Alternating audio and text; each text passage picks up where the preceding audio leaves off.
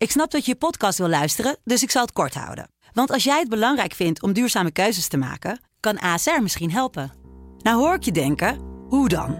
Nou, bijvoorbeeld bij het duurzaam herstellen van schade. Of de premies die we beleggen volgens ons duurzaam beleggingsbeleid. Dat bepaalt waar we wel en juist niet in investeren. Wil je meer weten over welke duurzame keuzes ASR maakt? Ga dan naar asr.nl slash duurzame keuzes. ASR doet het. Zo, dan kan je nu lekker naar je podcast luisteren. Ik ben Jaap Brine van de Sublime Ochtendshow. Achter iedere plaat zit een verhaal. En die verhalen vertel ik je in mijn serie Hit Story.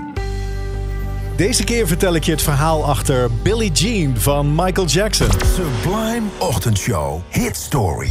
Verhalen achter de muziek. En verhalen deze week over muziek van het legendarische album dat 40 jaar oud wordt dit jaar. Deze week Michael Jackson's Thriller. Dit verhaal speelt in 1981. Michael rijdt door Los Angeles en in zijn hoofd broeden allerlei muzikale ideeën. Hij is een nummer aan het bedenken voor dat album waar hij mee bezig is. In zijn hoofd hoort hij een beat, hij hoort een baslijn, hij hoort strijkers. Er schieten hem flarde teksten binnen. Dat nummer ontstaat in dat ene autoritje in zijn hoofd. En al die muzikale ideetjes speelt hij tegelijkertijd af in zijn hoofd. Hij hoort het hele nummer al voor zich. En eenmaal thuis doet hij wat hij altijd doet bij dit soort ideeën.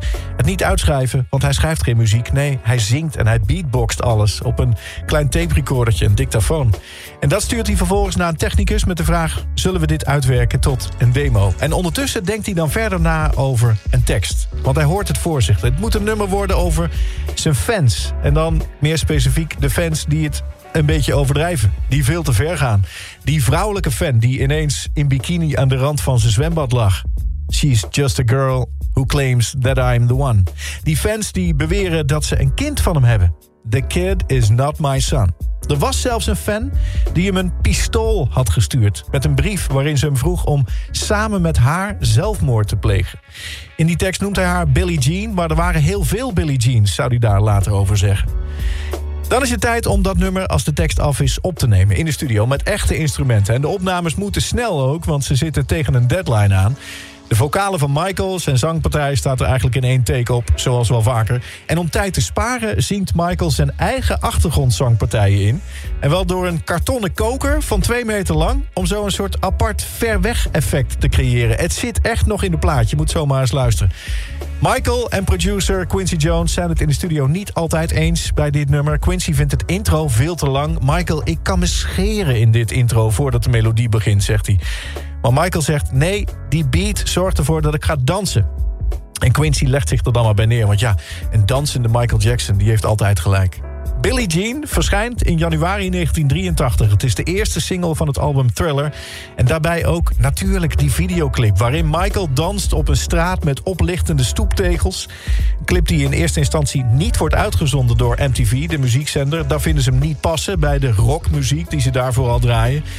Pas als de platenmaatschappij dreigt om dan al hun muziek van MTV te halen... zegt MTV, oh oké, oké, oké, dan doen we het wel. En zo wordt Billie Jean de eerste videoclip van een zwarte artiest... die in hoge rotatie wordt gezet bij MTV. En Michael zal vanaf dat moment niet meer verdwijnen van die zender.